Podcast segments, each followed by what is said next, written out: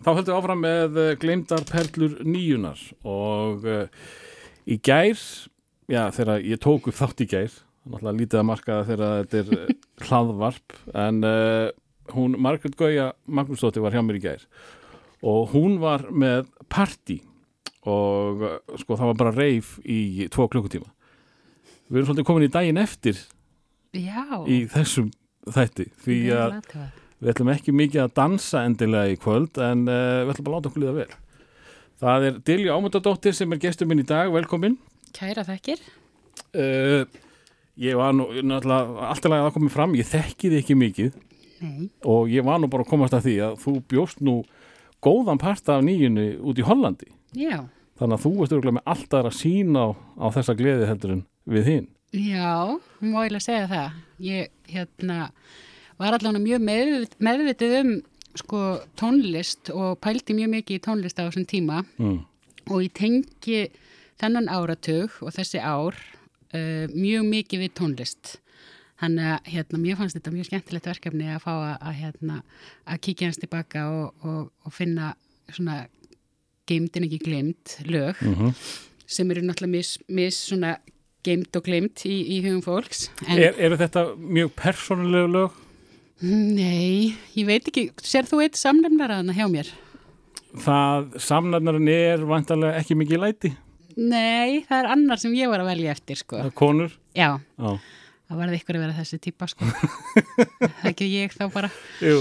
Já, en þetta er allt eh, konur og, og, margar hverjar þeirra sömdu lögin sín eða, eða tónlistina þína sjálfar. Mm Eh, Þannig að, já, ég sem sagt, það sem að, hérna, mér langaði að segja um, um hérna, þessi ár, sérstaklega sem ég bý í Hollandi, er að, að ég var með MTV Já. og hafði það fram yfir alla vini mín allavega og, og flesta Íslendinga held ég og, og var mjög meðvitið um það öll þessi fjögur ár og horfði bara stanslust á MTV og kunni eiginlega öll lögin og, og svo allar auðlýsingarna líka. Mér fannst þær ekki síðri. Átti í svona hérna mjög... Þetta að tala um MTV auðlýsingarna sjálfa sem er Já, að auðlýsa þær voru þætti náttúrulega sérstaklega skemmtilegar. mjög Já, já, súrar á köflum. já, Já. og mjög svona ymmit framúrstemnilegar held ég Mm. líka og svona og, og hérna og, og svo náttúrulega sem sagt, er þetta líka á þeim tíma að ég held, ég kannski hef ekki alveg eitthvað yfirgreipsmikið hérna svona yfirgreipsmikla þekkingu en þetta er á þeim tíma sem að músikvídeó eru bara á hátindi sínum held ég Mm -hmm. um, þetta er sagt, þetta er búið hérna þetta er búið að ná alveg sagt, því að það er sjónvarp, útvarp í sjónvarpi og, og byrja að leggja mjög mikið upp úr þessu Þetta er orðið þannig sko að allir verða að gera þetta. An annars kemur lægið ekki til með að heyrast nokkuð skapaða hlut. nefnilega Það verður að fylgja með myndband. Já, Já. og þetta er sem sagt örgulega hérna vinsætla að horfa á tónlistina heldur en að hlusta á hann í útvarpi allavega á þessum tíma svo ég veit ekki einu svona hvort MTV sé til í dag sko. Jú, það er til. Já, einmitt, ég bara hef ekki séð það í, í mjög mörg ár sko. það Og- breytist í, úr því að vera svona tónlistar sjónvarp yfir að vera endurleysir ömuleg svona mm. raunveruleika þættir. Já, það byrjaði mitt á þessum tíma, mér fannst það mjög spes það hérna Big, mei, Real World. Já, Real Já, það, það það er ekki hérna- bara einna fyrst þáttunum í þessum gera. Jú, Svo kom Big Brother og svo kom. Big Brother, já. en þetta var 90 og eitthvað, þá voru þau hérna búsett í einhverjum fínum íbúum í, í, í borgum, þetta voru held í ameríski þættir. Mm Ég Svo- skildi þetta ekki, ég vissi ekki hvað það var sko. Nei, ég glöfti náttúrulega sjálfsög á þetta Mm. og maður var skotin, ég fannst eitt sætastur og allt þetta svona eins og fylgið það líka þessum aldri sko, Mm. það var snúlingi stelpa. En hérna, já, emmitt, talandi um, þetta voru ameríski þættir, uh, ég man líka mjög vel eftir, það var svona skýr munur á ameríska eða bandaríska MTV og svo breska eða evrópska MTV og það var bara mjög ólíkar tónlistar senur Mm. og ég skipti til dæmis hérna svolítið þessari þessari svona 90s pop sem, minu, sem við köllum oft svona þessi 90s rave eða eitthvað svona, mér finnst það allt mjög evrópst Mhm. og svo er til dæmis þessi Seattle sena sem eru, eru Nirvana og, og Pearl Jam og Gruggi svo kallaða. já, Grunts Já. sem var yfirleitt í Hollandi það sem ég bjó alltaf kallað alternative Já, tónlist. og, og þá tilheyrði maður, ég var mjög hrifin af þessari tónlistasennu og þá tilheyrði maður uh, svona, svona varðandi fatastíl og svo leis tilheyrði maður þeirri sinnu alternatives eða stytting á eða aldós Altos, Já, þetta hef ég aldrei hægt aður nei, e- nei, þetta er bara eitthvað, og, og Það- það er hryllilega bara- hallar til tollens líka. Já, þetta, þetta er svo típur af fólki, það eru Altos. Já, ég tilherði þeim. Já, þú ert hópi. Ég var, já, þetta var sem sagt, þá sótti ég þannig, sem sagt, eða hlusta á þannig tónlist og var í þannig fötum, svona hermannaklossum, uh, köflóttri skirtu, kannski bundna um með miðja mm. og, og hérna með skipti miðju, já, heldur mhm. betur, jú, og útvíðum buksum, það er komað hann aftur svolítið stert inn í, fyrirparts 90s, hann að, hérna, og svo voru til fleiri hópar, það var til dæmis þau sem voru mikið að að hérna í Hollandi sem sagt að hlusta á svona þessa reifmúsik alveg svona þessa síru dóldi Já, svona alvöru, ekki, ekki danspop heldur, heldur lengra fyrir lengra já, tóna, já, emitt það var hérna svona, já, þessi reifparti sko, sem að voru þá líka mjög mikil ekstasi neysla og svona. Þau, hét, þau voru í, í, í svona íþróttagöllum sem er Australian eða Aussies. Já, Já, með svona neftum hérna, þetta er svolítið eins og er Adidas kannski hérna heima er týndu bönnin Æ, allar slett Æ, hei, en allavega þau voru kallið Shonnies and Anitas eða sem sagt, Shonnies eru strákarnir. Þeir voru með yfirleitt raka, krúnurakaðir alveg. Já, ok. Og, og svo Anitas og þær voru með svona litað hár og með svona blásna vangi í toppnum. Það fannst mér alveg sillilega hallarislegt sko. Þannig að þetta var alvöru lífstíl að núti Já, já, og það fór eftir tónlistasinum Já, alveg hvernig þú hérna bara og hvernig fólkið þú svona laðaði stað í, í vinskap sko. hann að, Eh, Þú ert hvað, 12 ára þegar þessi áratögur gengur í garð eða svo? Já, 11 Já, og þá er ég einmitt á, á, í rocklingunum þú ert í fokk það er náttúrulega ekkert glimt við það. Við mögum ekki gleyma því. Já, og ekki, jú, og bara eiginlega ekki geimt þetta er bara alltaf, alltaf heitt að tala um rocklingana sko. og þá finnst mér nú alveg tilmæli að þú rifjir aðeins upp með okkur þessa, þessa hátíð sem rocklingandi voru. Já, Ég er búin að heyra Didi tala um þetta, Dröfn uh, og hvað er það, Snorradóttir Dröfn Ösp Snorradóttir. Já. Jú, hún var náttúrulega rekin úr rocklingunum og það er sko. náttúrulega bara toppar allar sögur á því að hafa verið í rocklingunum þegar maður er með henni og byrjar eitthvað að monta sig að því að hafa verið í rocklingunum mm. þá kemur hún alltaf með söguna af því þegar hún var rekin sem er bara mjög góð saga. Þannig að ég og ekkert eftir Nema það að hún alltaf söng svo lítið sóló. Ég líka, Fjast þú, lítið að ég var bara í kór. Já, það? Syngja, já, ég býja og svona. En, en veist, sko, þú varst þarna 11 ára eða eitthvað svo leiðis Mhm. en það, þið tók alveg hringinu það ekki um landið að syngja og leika ég var ekki Nei, Dröpp ok var eins fyrir sýningarhóp Já. svo ég tegnu bara hennar sögur og var með eitthvað stæla á Akureyri og, og var síðan rekin eftir það Já, ég, held, ég heyrði að hún hefði eitthvað verið með sem sagt stólið kókamjólk kókamjólk hefur eitthvað um þetta að segja Já, það er eitthvað kókamjólk og það er eitthvað myndavél hann inn í þessu. Hún Aha. mátti ekki tína myndavél sem hún hefði fengið í jólagjöfur mamma og pappa mm. Og svo er eitthvað varandi kókamjólk. Ég man ekki alveg. En uh, þú ákvæmst að kveðja bransan og bara stinga af landi brott Já, og ég hef svona líka oft vilja koma því að að, að hérna, við sem sagt vorum hana hópur af, af börnum og sem að vorum í, í fleiri, fleiri klukkutíma inn í stúdiói og fengum ekki vopni þurft í Já. kannski tíu tíma í senn. það er bara þælkun að vinna fengum síðan í, engin laun og við fengum að held ég ég fekk fimm kassettur og fimm vínilblötur til að gefa í jólagjöf já, og svo voru, svo voru líka hérna aðdándaklúpur og það var hægt að senda okkur aðdándabref bara á einu adressu. En við fengum ekki að sko eiga þau ekki einu svona í ljósrituð. Við fengum bara að skoða þau einu svona í möppu þegar að hérna þegar við vorum að taka við platinumplötunni nýra á, á Grand Hotel. Þetta er ekki að grína? Ný, ný, ný Þú, þú byrjar hérna brosandi, rosa gaman, rocklingarnir þetta var ekki sko, dans á rósum, ó nei, þetta var bara Jú. þetta var ekki svona dans mm.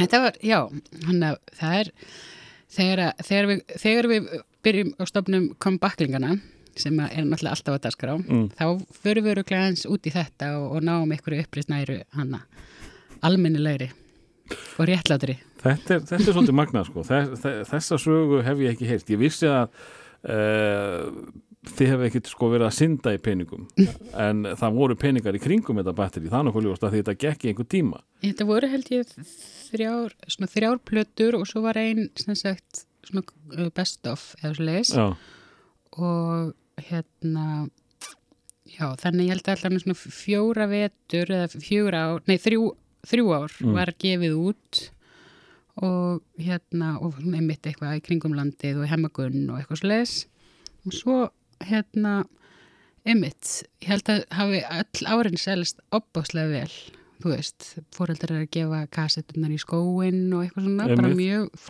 þú veist, flott. Og við vorum allan að fá platinuplötu sem er meir en gullplata sko.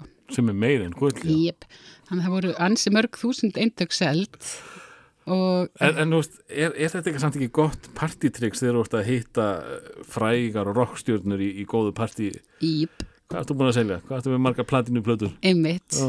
það er engin með platinuplötu held ég Kannski múki svona að bubbi eða eitthvað?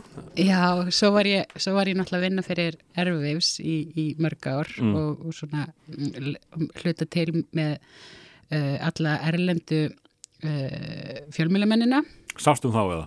Já, allavega í einhver skiptin. Mhm. þannig að ég var að taka þá svona og, og hérna og fara með þau í, í réttu partíin og, og, og svona allt það. Og eitt kvöldi var ég svona smá orðin vel hress og eitthvað svona ykkur spennufalli og þá snýrist í lurinninni bara allt bablið í mér ekki um íslensku tónlistasinnin eins og þetta átt að gera heldur fór ég bara eitthvað að væla um þetta allt úr rocklingunum I was a, I'm a grown up child star og Oh, ég er að reyna að segja þess að söga því ég skafum sem svo mikið og náði því að hlæja af, af mér sko og þau vildi bara ég myndi hérna ná í get back your royalities sko Mm. það var alveg Að þú ert ennþá að pæli því?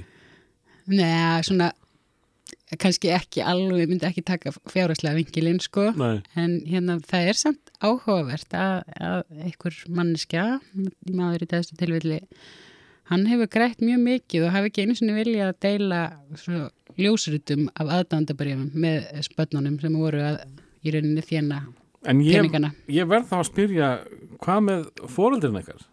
Þetta er vantilega verið pressa frá ykkur. Þið vildu vera með. Þið kannski áttið ykkur ekki á því að, að þannig verið að, svíkja Ég ætla hann ekki og mamma mann, fóreldri mínu mun ekkit eftir þessum vingli fyrir Nei. að maður fyrir að ræða um það eitthvað 20 og eitthvað, 10 árum síðar eða eitthvað. Þannig að hérna, ég held að fólk hafi bara verið að líta á þetta sem frekar frítt svona eftir skólahobby eða eitthvað svo leiðist, Mm. þú veist, það kostaði náttúrulega heilmikið, ég var í jazzballett og leiklist og öllu og eitthvað svona og það bara kostaði ekki að vera í rocklingunum bara, það var held ég þar svolítið, bara þar mér látið vera, sko. Já, ok. Já, eh, Ég bara að pæli úst, þegar það kemur í ljós að þetta er að mala gull að, einhverju fóreldrar hafi ekki hugsað hmm, kannski ættu við að fá einhvern hluta, já, það skiptir ekki máli. Já, skiptir ekki máli, mér langar, mér langar, mér langar að fara með þér sko, uh, þú, þú, þú nærða eða sko fyrstu árunum í nýjunni hér heima. Já. Hvar, hvar Til- ertu í heiminum, hvar ertu á landinu? Uh, 100 öðrum Reykjavík. Já, ert þú ekki svolítið svo gæla Tónabæ Jú, já, sko ég einmitt held ég sé það bara mjög mikið vegna þess að fólk hefur oft bara þekkt mér mjög lítið þegar það vil, vil bara algjörlega tengja mig við, við svona þingholt á miðbæin og, og svona 101 Reykjavík sko. mm, Svo flutti ég í fjögur ár tæp í 104 Reykjavík. hvernig var það? Mér finnst það bara dásanlegt Mm. en mér er þess að fólk sem kynntist mér eftir ég flutti þangað vildi fá mig aftur nýri bæ. Nú er ég komin aftur upp allskutu, eða sem nýri bæ og bý í, á góða hverfinu. Eh, tónabær á þessum árum er það ekki svalasta félagsmiðstöðun á landinu? Jú, Þannig músitilurinn þarna var frístælkeppnin það ekki líka og, það er svona meira held ég 80s en, Já, en, það? Jú, en það er sem sagt uh, örgulega þekktasta svona félagsmiðstöðin sem Mm. fólk tengir ymitt, ymitt allar þe- þessar keppnir og, og hérna var meira svona því þetta var bara okkar hverfi einhvern veginn sem við gátum verið þarna í, á þessum diskotekum sko það var alltaf jammið var í rauninu millir 5 og 7 annarkvæmt laugardag og keftum að blandi póka og mix og flipper höfrung og kom með það, það var í rauninni vímuefni sem maður kom með með sér á ballið og, og svo dansaði maður til sjö og vangaði alltaf náttúrulega. Og það var rosa mikið lagt upp úr við hvernig maður vangaði. Mm, og varstu þá að, svona að sikta út hver væri vanglegur? Já, já, Já. já, jú, maður bara var að byrja að regnast kærasta og svona og búin að fara í, í Happy City og eitthvað út á Róló og svona yfir sumarið og eitthvað bara byrjaði að snemma hjá okkur þingolskarökkunum sko. En, en hérna, sko, uh, hvað ætla ég að segja? að það er dóttið úr mér En já, Já, nei, tónabær bær var alveg aðal held ég Já, fyrirgjöðu, af því að þú talar um að það farið í eh, dans Já, uh, var, var þessi danskeppni hætt þegar þú ert fann að sækja og stunda tónabæ? já Ég Mm. nefnilega man ekki eftir að hafa, ég man alveg mjög vel eftir frístæl og finnst ennþá mjög smart að þekkja, þú veist, Elmu Lísu og Elsu Jóman og svona sem voru aðal píurnar í frístæl og siguruðu oftast. Í dag er ég ennþá alveg með smá stjórnir í augum, sko. Já. Og hérna, já, þannig að sem sagt, uh, ég held að ég hef aldrei, ég hefði pott ég hætti til leiks ef ég hefði haft aldur til. Mm. Þannig ég hef rétt mistað því, sko. Ah, Já, þetta hefði verið gott framhald á rocklingarna Sigur að þínir á, á dansskólinu mjög. en, en þú hefur vantarlega sleiði gegn á dansskólinu eftir að hafa lært hvernig að gera þetta þó að þú var ekki fengið sem gullpenni. barnastjarna? Já, jú, jú, jú. Ég, var, ég var byrjuður líka í jazzballett ég var fimm ára þegar ég byrjaði í jazzballett já, ok. Og fór yfirleitt í ykkur svona ykkur námskeið sem hétt sko leiklist og dans. Þannig vorum alltaf að gera eitthvað svona söngleiki og Mm. Þannig að þetta ætlaði alltaf að verða leikona og eitthvað. Og ætlaði líka að verða rakka gísla þegar ég er stór. Hver ætlaði ekki að vera það? Svo ég, sa- man ég sagði já, ína, hún, hún, þegar hún verður hann gömul þá þarf eitthvað að taka við af henni. Og Raka Gísla svona cirka bát eina manneskin sem bara yngdist og yngist enn. Bara, hún er, hún er ekkert að eldast hún verður ekki gömur Nei, hún ákveði að sleppa því alveg. Uh, eigum við að færa okkur yfir til Hollands? Uh, hvenar fer Sko. þú að, að, að, að bara pæla í tónlist og þess að það er, er það kannski fyrr eða? Já, ég ég er náttúrulega hlýtur að hafa gert það viðst þú sést uh, rockstjarna. Jú, jú, barnastjarná Já, nei, ég sko á nú einhver svona sérstakka minningun ég, ég tengi mjög mikið af minningum einmitt við svona lög og, og tónlist og eitthvað svona svo finnst mér til dæmis mjög áhugavert. Uh, voru nokkrir tónlistamenn, sérstaklega eins og Brian Ferry og, og Leonard Cohen sem að fóreldri mínu hlustuð á Mm. og David Bowie sem ég fílaði alls ekki sem bann en er gjössalega forfallin í dag og hlusta bara mjög mikið á já, og hérna og þá, einmitt, finnst mér eitthvað svo skrítið að, að ég eigi minningar þar sem ég í rauninni hafnaði þessu en í dag alveg bara nýti bótt mjög áhugavert mm. en svona í, einmitt, eins og ég sagði hérna fyrir að, að á, á nýjunda áratögnum þá er tónlist mjög svona stór þáttur bara og í lífi, í, veist, í, í, í lífi okkar vinkvennana og þú veist, þegar við erum að byrja að kaupa okkur geisladisk, ég mani við gáfum hver annari geisladisk í fermingagjöf sem er svona svolítið stórt að þú veist, velja handa hver annari og ég man ég gaf bestu vinkonu minni R.E.M. og svona okkar lag er bara hérna, hvað heitir það eftir vinsalasta lagið þeirra? Losing My Religion já. já, og það er bara einhvern veginn, það tengist bara alveg okkar. Og, og það var einmitt svona kringum ferminguna alveg bara mikið, mjög mikið spilað. Mástu hver er fyrsti diskurinn eða plantan sem þú eignast?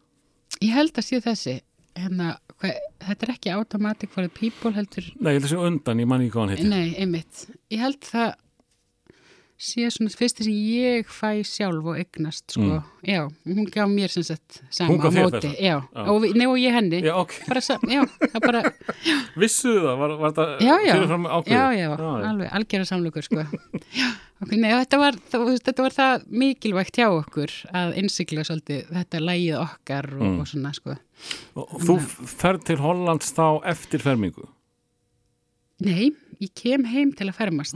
Ég fer, uh, ég, ég sem sagt, flytt út haustið í þegar byrjum hann í áttundabekk, Já. það er hann að 13 ára og já, ég sagt er líka búsett hann að veturinn og undan að hluta til í Toronto, það er önnur saga. Já, Og það tengi ég nú ekki mikið við tónlist. Það er hins vegar tengi ég mjög mikið við sjónvarsþætti og svona game shows, eða hvað heitir það, já.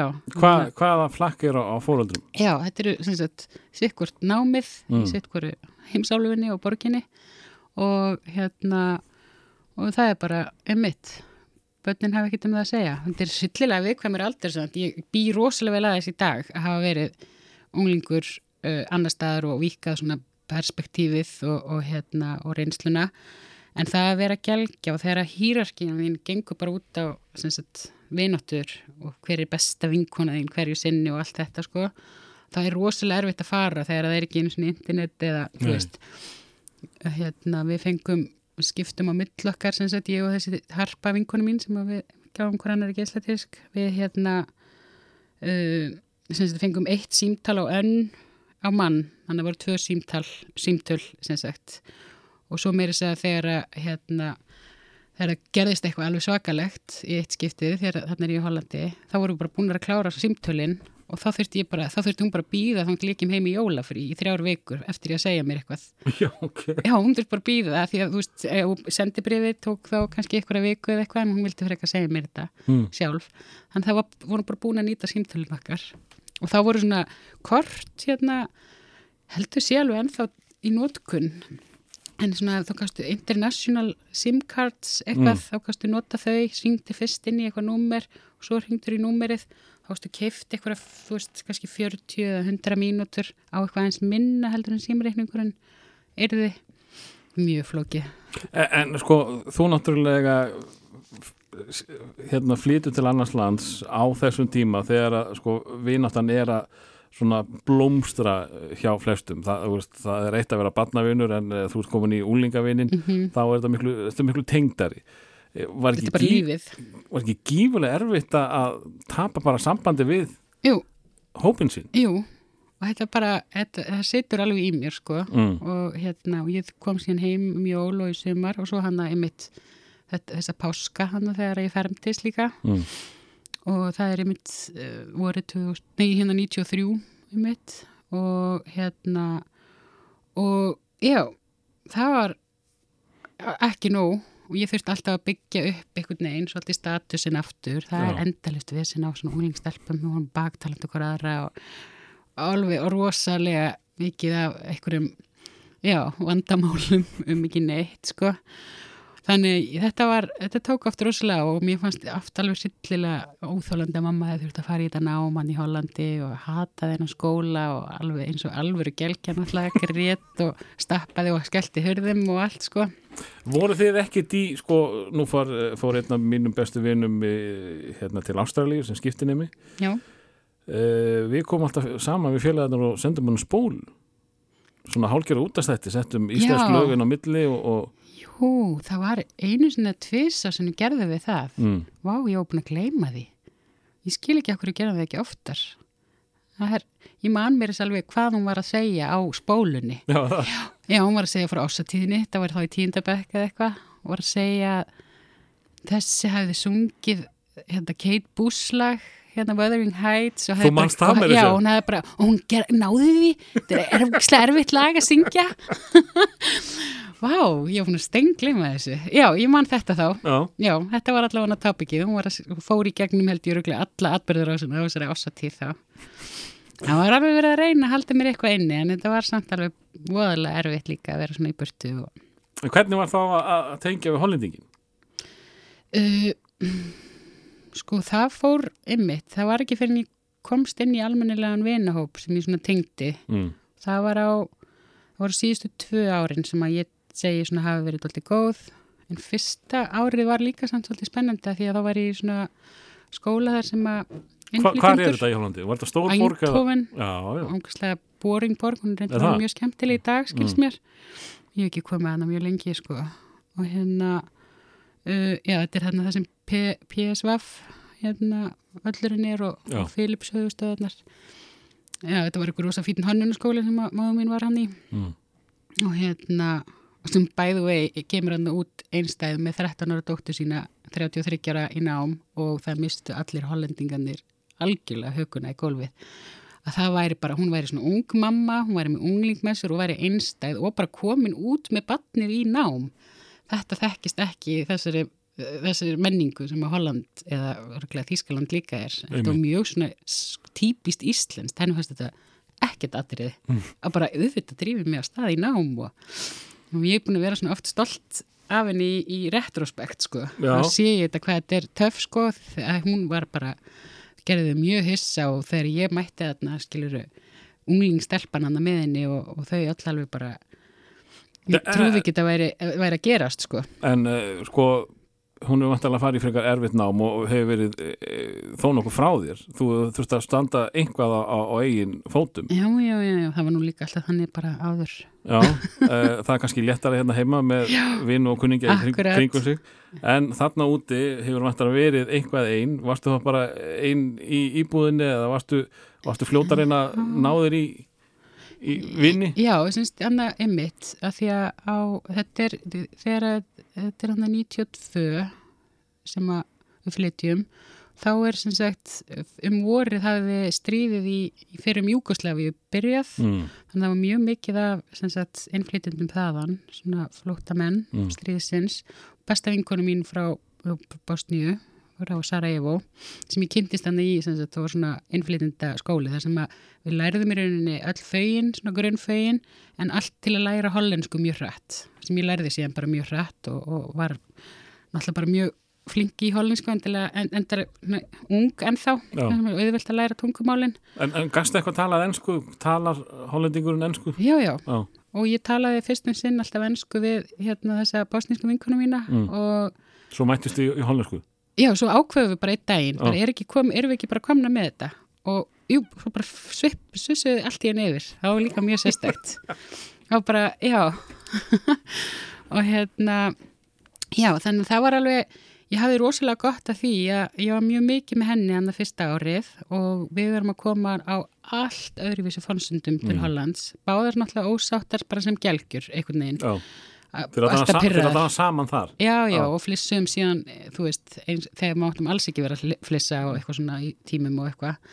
En hérna, en það var stundum þegar ég til dæmis mann eftir að fara í heim í jólafrí eða sömafrí og hún kom að fylgdi mér á lestastöðinu, ég var að fara upp á skiphól og, og ég man, ég horfði á hana, þú veist, ég er 14 ára eða eitthvað, að þá, hérna, þú veist, er ég eitthvað að fara heim í frí, þú veist, já, þetta voru, já, jólafrí, bara í faðum í fjölskyldunar og, og hérna, og hún vissi ekki einu svona hvar amma svona afi voru niðurkomin og fattari, þú veist, þau voru bara tínt stríðið bara allt logandi hérna og hérna, og bara hræðilegi hluti búin að gerast fyrir fjölskylduna mm. hann að, hérna ég hafði rosalega gott af þessu að, upp á svona þakklæti að gera og þú veist, ég man alveg, þetta bara breytti mér svolítið, að hafa kynst henni og, og, Já þú upplifið vantilega stríðið að einhverju leiti alveg mjög gegnum hana. mikið, já. og hérna, og pappinar var alltaf niður í, í Sarajevo einhvern veginn að reyna að vinna einhvern veginn að var í pólitík og eitthvað. Já, og kom síðan alltaf upp til Hollands kannski á fimm mánuða fresti eða eitthvað og ég man að það sko sást alltaf meira og meira á honum sko bara hvað hann var orðin þreyttur andlega Já, og já. bara þvældur sko hann er grár og, og, og svona hókin þetta og þú veist en svo hefði ég líka mjög gaman að ég kynast bara þau eru muslimar og ég prófaði að vera bara með þeim í Ramadan að fasta þegar sólinn var uppi og, og alls konar svona hlutir sem að, þú veist, ég hefði bara rosalega gott af. Þú hefur verið svona opinn. Já, það ekki. Já. Já, Ef að taka eitt lag og, og fara síðan aðeins í hvernig það er að vera unglingur í Hollandi? Já, Þetta er fyrsta lagi sem að þú velur. Já, þetta er alltaf, kemur miklu setna út heldur en, heldur en ég. Sagan okkar er? Já, já, þetta, þessi plata kemur út held ég 98 eða 99 sem við erum að fara að lusta á. Er það ekki að fara að lusta á hana fyrsta? Jú, Já, þetta er allt í lagi, hafa þetta bara í ykkur um röð. já, En uh, þemað er konur að syngja oftast eiginlög Já, já, hvað að velja það? One day, I'm gonna understand.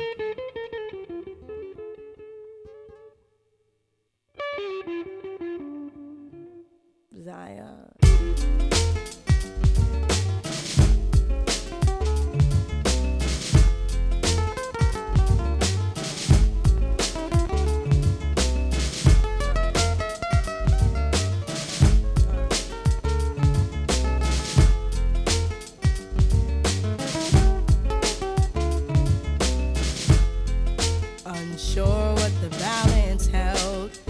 Touched my belly overwhelmed by what I had been chosen to perform. But then an angel came one day, told me to kneel down and pray, for unto me a man child would be born. Whoa, this crazy circumstance. I knew his life deserved a chance, but everybody told me to be smart. Look at your career, they said, Lauren, baby, use your head. But instead, I chose to use my heart. Now the joy of my world is in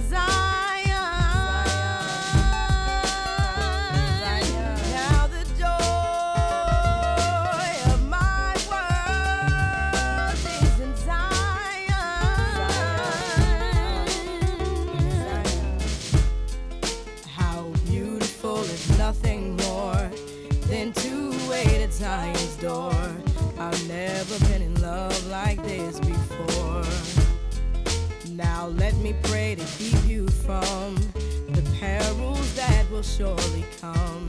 See, life for you, my prince, has just begun. And I thank you for choosing me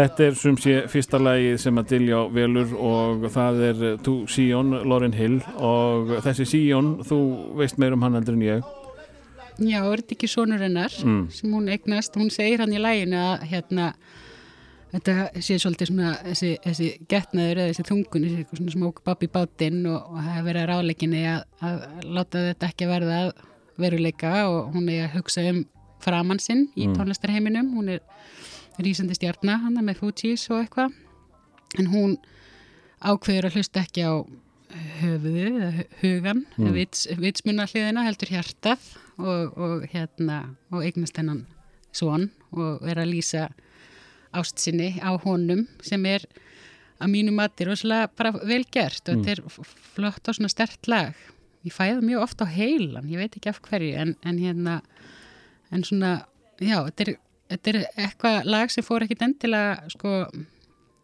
efst á, á vinsældalistan en ég man þetta var alveg svolítið spilað hérna Mm. setni, svona held ég 98 eða 99 þegar að þessi plata hennar Lauren Hill kemur út Miseducation of Lauren Hill minni mún heiti Ertu textagjala? stundum, Já, ég nefnilega sko eh, er ekkert fyrir ljóð ég næpar engri tengingu við ljóð ég les ekki mikið ljóð og svona ég var ég að, hérna, hitta mann sem var mikið að skrifa ljóð og var alltaf að bera þau undir mig og ég var alveg að fríka út af því ég bara vissi ekkert hvað ég átt að segja hvaða feedback ég átt að gefa eða hvað. En lagatekstar eru náttúrulega ljóð mm. og oft er ég algjörlega mjög hrifin af þeim og, og pæli mjög mikið í þeim og tengi við þá. Þannig að það greinilega verður að vera laglína þannig að ég fari eitthvað ofan í þetta. Já, en það hefur ekkit endilega alltaf við Nei. stundum heyri ég ekkert hvað fólk er að segja þó ég geti bablaði að sungið með því segi ég. en svo eru náttúrulega koma bara náttúrulega líka eitthvað tímabil sem að maður tengir kannski eitthvað meira við eitthvað texta sko Mhm. hvort sem hann er um en nú yfirleitt um ástina held ég. Ég verð ekki í langflöstu tilfellunum. Uh, við ætlum að fara aftur til Hollands og uh, sko, þú ert þarna úti þegar að hollendingar eiga uh, nokkuð stóra svona alþjóðastjörnur eins og Túan Limit. Mm og það fyrir marga var þetta nú bara stæðst af hljómsd í heimi. Já, eða ekki marga, einhverja. En hún sko hefur held ég núna og var alveg á þeim tíma held ég svona þessum fólk myndir fyrst nefna sem svona þegar, þegar að tala um 90s tónlist Mm. þá ferða í Tune Limited og, og læði No Limits Já, og það er nákvæmlega. held ég 93, einmitt akkur þegar ég bý í Hollandi Já, þú ert úti þegar það kemur. Já, og hversu stórt var það í Hollandi? það var bara svona rosa þjóðastólt sko Mm. eins og við þekkjum nú hérna á litlu eigin okkar voru mjög montin á því að vera með hann aðal stjörnurnar en svo kom held ég bara eitt eða tvö lög í viðbútt svo var þetta bara búið Já, minni mig allavega Já, og þá voru kannski þrjú sem á urðu vinsæl en uh, maður minn lifandi diljá, við fengum uh, sko Tune Limited lög á uh, íslenska saplutur í svona tíu ár. já, eða ekki Það var gerðið að gerður eitthvað góðu dill við Pottþétt. Limited. já, Nei, hérna Reyvi. já, reyvíf Ég held að Tune Limited eigi lag á öllum Reyvi plötunum, sko. alltaf nýtt lag Já, já, já. Ó, Ek, ekki mjög gott, ég skal alveg viðkynna það. En, en svona meira, hvað hva, hva var stórt uh, þarna í, í Hollandi? sko, þeir hafa náttúrulega aldrei verið ertu að tala um tónlist? Já. Já, held ég ekkit verið mjög sterkir í tónlist. Nei, eru ekki sko alþjóð- alveg alþjóðatónlist. hryllilega miklir hérna lúðar, bara hérna voru svona, já, það voru mjög svona eitthvað, svona, eh, þeir eru að gera mér þetta valdís Já, mikið af svoleiðis. Já, mjög mikið og svona kringum þetta karnival sem er svona þekkt meðal kathölskra þjóða Mm. og mjög mikil svona, já, bara eitthvað svona söngvar eða svo leis. Og svo kom hérna þessi útgafa af hérna Alice, Hú, eh, húða, já, á, er einmitt. það hollenskt? já, Já, það kemur úr einhverjum svona, einhverju tjaldi af karnivali, það sem að allir hópurinn segir, who the fuck is Alice? já, ok. og hérna, og það er eitthvað rosalegt stolt hann hjá þeim og ég sé ennþá mikið spilað sko ég tengi þetta allavega mjög mikið við þessa, þessi ármínan í Hollandi sko en þeir sko varandi svona menningu eða svo leiðis, svona popmenningu og svo leiðis, voru, hafa aldrei verið sterkir í kvikmyndagerð en mjög sterkir í sjónvarsþáttagerð og Já, svona raunveruleika þáttum eða svona spjallþáttum Mm. með alls konar þemum og heimildamyndaþáttum og svona allt mjög vel gert en kvikmyndagerð var alveg arfaslög Mm. og þeir eiga held ég uh, svona grunn hugmyndin af þess sem við kallum svona reality TV eða raunveruleika sjónvar, Mm. svo Big Brother þetta kemur allt frá sjónvarsbænum í Hollandi sem heitir held ég Algamar eða eitthvað sliðis Já, ok. já, þannig að maður horfði mjög mikið á, á svona hollenskt sjónvarp mann ég á þessum tíma líka Mm. bara inn í, þá voru þættir sem héttu Headspite Me eða Fyrirgeðu fyrirgeðu mér og þá var verið að sætta fólk sem hefði verið Er það þáttur sem að Felix Bergson gerði síðan hérna heima? Já, hann skjá einum. Já, var, að- já, ymmit. það var einhver, ég, ég fór í hann með Pétur Jóhanni. Voru þið að vera að rífast eða? Nei, ég var eitthvað reyna ára fyndin Já, og hérna, ymmit. uh, Felix vissi það ekki sko, en hvaðan það? Já, En, en það var alltaf, þeir gerðu svona fyrirgeðu þátt. já, ymmit. Þetta var mjög vinsalt þáttur og gekk bara mjög vel. Þetta er bara alls konar fólk til. Þetta eru náttúrulega 17 miljónir Mm. sem það er búa. Ekki eins mikið svona nálæð og kannski hér. Uh, já, og voru alls konar svona þættir í mann og mér varst þetta allt mjög skemmtilegt á þessum árum. Og svo einað milli horfði ég náttúrulega á Beverly Hills 90210 og Melrose Place en aðal náttúrulega eins og fyrir sagði MTV. MTV. Já. Uh, förum aðeins í hérna sko úlingin Diljá í, í, í Hollandi sko, hvað hérna hérna höfum við félagsmiðstöðar miðstöðar og, og eh, já, stelpur sérstaklega svona snemma farnar að- að reyna að koma, komast inn á skemmtistæði í höfuborginni hér. Eh, hvernig var þetta öðruvísið þann úti? Já, Mm. allt öðruvísi en já, sagt, já, ég get nú alveg, því ég var náttúrulega alveg í fjögur ár. Fyrri partin var ég svona í kannski saklausari gýr og ég man við fórum oft á föstaskvöldum á hjólaskautadiskó. Mm. og, og maður var að skauta í nokkra ringi með einmitt, Two Unlimited og eitthvað í bakgrunni. Og hérna, og einmitt eitthvað ef að það var, það var ekki vanga heldur kannski verið að leiða strákin þú veist, einn, tvo ringi eða eitthvað og spjalla. Uh, svo, jú, þegar ég var orðin svona 16 svona kannski segðari parturinn, þá vorum við farin að komast inn á, já, áttalega tvo skemmtistæði sko, á Já. svona aðalega bara skemmtistæða bara göttunni Mm. í Eindhoven þannig að hérna uh, þar sem ég bjó sem sagt. og það var ekkert mál við komumst bara þangað inn og vorum að dansa á fullu hérna, ég og ný hollandski vinahópurum minn hann þessum að við vorum öll í, í svona köflótnum skýrtum og hermanaklósum og, og Já, svona varst þú í grönsliðinu? Já. Allt, allt, hvað var Altos. Altós? Altós, já. Altos, já, já það var einmitt þar var mikið spilað Pearl Jam og, og Metallica og eitthvað svona En, en þú talaður um sem sagt Altós og, og danstónlistarhópin eh, voru engar svona, hvað að segja, guggur eða, eða svona eh, hvað, súkulaði súkulega kellur og, og gaur, gaurar og, Jú, en ekki svona eins og við erum að tengja við svolítið hérna í, í íslensku hérna hópa svona flokkuninni eða Mm. svoleiðis. Uh, nei, það voru þarna síðan bara svona, svona, lítið svona yfirstjættar já. sem að voru jafnvel alveg með peysuna, hérna pastellituð peysuna á aukslunum og, og, og svona, já, þetta er rosalega stjættaskipt land líka og gerist strax inn í skólakerfinu. Já, þar eru bara fjögur svona nivós eða svona hérna hvað ég segja, svona flokk eftir, eftir erfileikum eða svona þess, já, og þau eru mis löng námin ég var í næst efsta sem er svona náttúrulega örugglega skemmtilegast að vera í. Mm. og hérna og efst þetta sem er efst er kannski aðeins mikið af svona þessum einhverjum típum sem segja ekki eins mikið í félagslíf allavega. Þannig að hérna, uh, já, en það er talað sér stjætta skipting uh, innan skólakerfi sem strax. Frá 12 ára er þau bara, þú veist, annarkvort að læra að vera uh, hargruslu og, og svona eitthvað eðunmentanir og svo leiðis, svo er það sem að þú getur orðið þau til að verða læknir og lögfræðingur og allt þetta, þetta er svona svolítið gamaldags, sko. Mm og ég, mér fannst þetta alltaf pínu skríti en ég fannst bara rosalega þægilegt að vera þarna sem ég var mér er þess að legsta, hérna svona levelið heitir sko uh, lagheipur úps ondrivæs sem þýðir sko lá, hérna, lástjættar atvinnugreinar Heitir menntun. það? Já, bara laghe er lágt, berúp er atvinnugrein og ondrivæs er mentun þannig að þetta er beina þýðingin á legsta svona levelinu það er svolítið sjokking Já, svolítið vera einhvern veginn að flokka þau upp hann strax við já 12 ára aldur. En, en, en, en ef ef þú berð þetta saman, uh, nú varst eitthvað að heimsækja uh, gamla landið uh, við og við, já, já, svona unglingurinn svona komin yfir 16 jafnvel, uh, búin að komin í hóp í, í Hollandi Mhm. og átt kannski ennþá aðeins hópið þinn hérna heima. Hvernig, þú berð þetta saman, hvernig eru við frakkari við Íslendingar?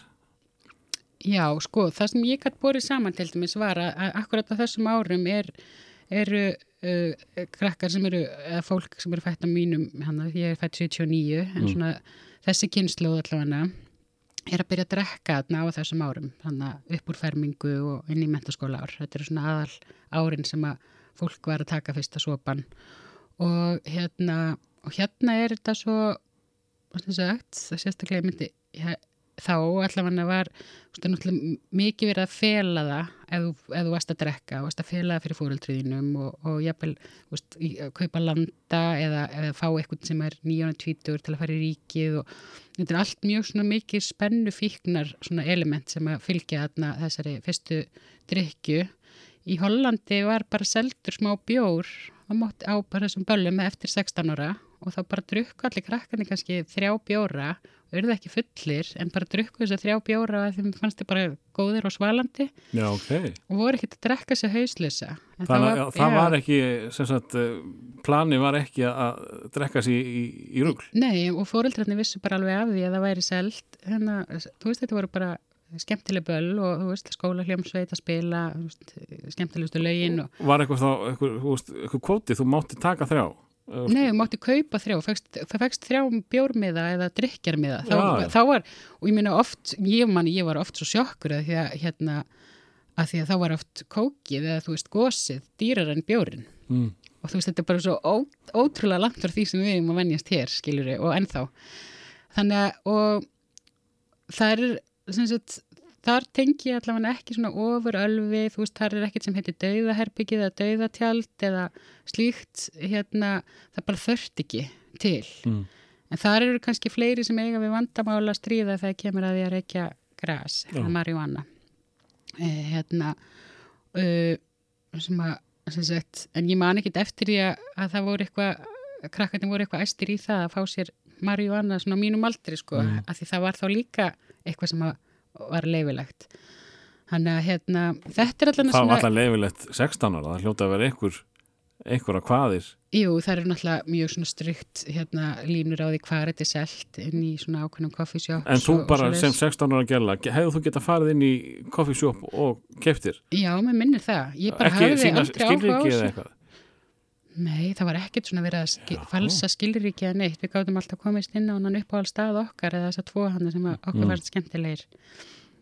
Það var ekkert Þannig að þetta var svona uh, svolítið frjálst hvað þetta varðar og þar að leiðandi kannski ekki eins mikið af svona óreglu sem tengist oft þessari, þessari spennufíkn og, og svona Svo eru náttúrulega bara alls konar ástæði fyrir því að fólk leiðist út í, í óreglu hvað var já. drikju og, og fíknefni en, en svona hvað unglingsárin var, varðar þá held ég að allavega þessi hópur sem ég umgengst og þessi skóli sem ég umgengst var þetta allavega alveg samanburðar hæft hvað þetta varðar, hvað Mm. þetta gekk miklu betur þegar það var ekki svona rosalegar strangar reglur einhvern veginn. og, og erst þú fylgjandi því að að, að, eh, að, minka strángheitin Já, þegar ég get hort á þetta með þessum augum sko, og ég er líka bara, þú veist, þessi þáttur náttúrulega kannski ekki fjallið það, en þessum ég er náttúrulega líka í, í pólitík og, og mörgu leiti út af svona þessum málum sko, Mhm. en að það verður líka bara að skoða eins orsökin að því að hverju fólk leiðist út í, út í svona miklu óreglu, hvaða, hvaða erfileika er það líka reyna að deyfa niður og svona, nú bara tala ég á tímum þessum lof mér að falla var að koma út og svona og, og, og eins og þáttaröðin fangar og svona þetta fjallar yfir litt um að það er búið að gera einhverju mannesku eitthvað og þess vegna leiðist hún út svona mikið út að braut. Við þurfum líka bara að skoða það það mætti örugglega alveg eins skoða ef þú veist að, að vera ekki með svona rosalega mikla horraðisekju og þú veist endalast að vera sér auðlýsingar og svona. En ég er bara mjög fylgjandi góðum og, og svona hérna, skapandi leiðum í forvörnum. Og ekki, þú veist, þær þurfa ekki að vera svona mjög yfirlýstar alltaf bara eitthvað hérna, eitt fyrirlestur frá, frá fíknæmlu lauruglunni í tíma eða eitthvað svo leiðis, þetta Mm. má bara vera alltaf flæðandi forvarnir út í öllum, öllum samtölum og svona. Þannig að, jú, jú, það mætti þá aðeins uh, hérna að minga kannski þessar opaslega hörðu reglu sem gerir þetta verkum að spennan í það að gera eitthvað sem er bannað verður svona öllu yfirsterkari og geti orsakað eitthvað svolítið vesen. eh, Við erum svolítið búin að fjallast nýjuna Já, upp á sigastið ég er bara komin í pólitingina mína. Þannig að við skulum fara í næsta lag eh, Hvað hva getur þú sagt mér um þetta? uh, Vinter er ymmit, eitt af þessum, Tóri Amos uh, ég man ekki alveg hvernig þetta kemur út, mér minnir svona 96-7, Mm. þú með ártalið hann ekki fram að? Nei, en hérna ég Þetta er að allavega- koma heim er komin, ég er komin heim Já, og ég byrja að vinna með, ég er komin í Kvennó, sem sagt, í mentaskóla og byrja að vinna mjög mikið með skólanum í loftkastalanum. Já, og hérna þar hlustum við mjög oft á þetta lag meðal annars. Og hérna og svona, einmitt, þetta er svona rólegt væmið, einmitt, þetta gæti verið gott á sunnudegi, sko. Einmitt, þegar maður er eitthvað að, að, hérna, að reyna að vera mjúkur, þegar það var yfirleitt mjög oft sem að maður fór í vinnuna í loftkastalunum að vinna og að maður var kannski svolítið daginn eftir kvöldið áður og okkur barnasýning í gangi og svona, Heyrum hér í Tóri Amos yes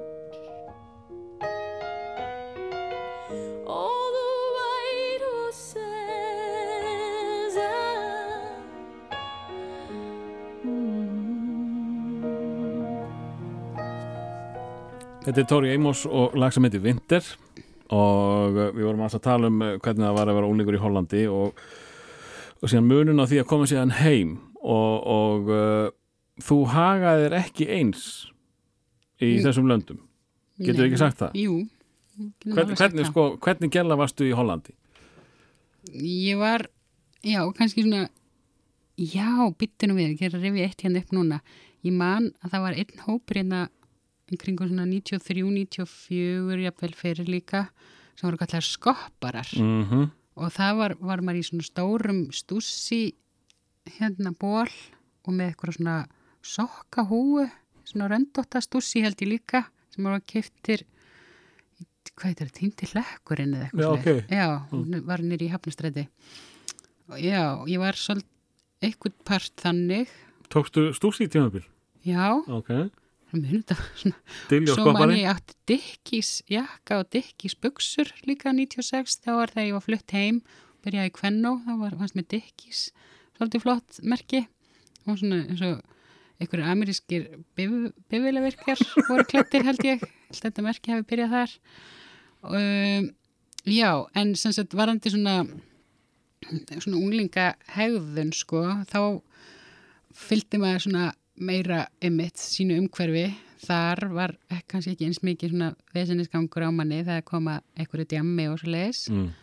uh, og svo hér fór maður þá bara all inn, inn í ég man að við vorum alltaf í ég kom alltaf heim á sömurinn sko í Bjóhollandi og svo flytti ég náttúrulega heim hann 96 og ég man að við fórum mörg ári röð fyrsta helgin í júli í Þósmörk það er nú mei, meira rugglið og þar voru allir náttúrulega bara hausleysir Já, þá var ég bara með í því og svo fór ég á þjóðatíð í eigum líka, held ég fyrsta skipti 97 og 98 og, og hann við vorum, já, bara vinkonurnar hann þú bara fylgdir hjörðinni saman hvað þú varst Já, alltaf ekki. Já. Gerir það svolítið mikið held ég sem unglingur sko. Mm. Maður þorir ekkert eitthvað ómikið að standa upp úr. Svo fyrir ég náttúrulega á Uxa 95. nú skulum við aðeins staldra þar við Þar er ég ennþá búsettið mitt út í Hollandi og fer síðan aftur út eftir það sömar sko. Já, Í ástarsorg. Þá þurfti ég að kveðja strákin sem ég var alveg opbóðslega skotin í sko. svo þú varst með hérna heima Já, Já, já, byrjaði að vera skotin í honum þá þetta sömar en endaði síðan á því að vera skotin í honum í mörg ár sko. Alltaf svo kom ég, kom ég heim og því flutti heim og það var æsku ástinn sko. mm. þannig að hérna en ég man hana eftir sömari 95 þegar ég var komin aftur út þá hlusta ég stanslust á uh, ég er ekki með það hérna á listanum þetta eru, eitthvað eru strákar í þeirri hljómsveit hann að hljómsveitin Live. Já, já. Og lægið hann að Lightning Crashes. Mhm. ég hefði pottið sett á þannan lista ef að ég hefði ekki verið með hvenna þemað sko. En já, ég fór að uksa Hvernig var, að því ég nefnilega þekki engan vel, veist, ég hef ekki sest niður og, já, ég segði mér nú frá Uxon þannig að ég segi Dilja og segði mér aðeins frá Uxon Sko, ég man hérna, við vorum mjög vel undirbúnar, vinkonurnar og Mm. En þið vissu að þetta var eh, pínu shady hátíð já, málið er að við fengum leifi til að fara vegna þess að þessi tjeða vinkona mín, hún Harpa sem ég talaði um hérna fyrir þættinum Mm.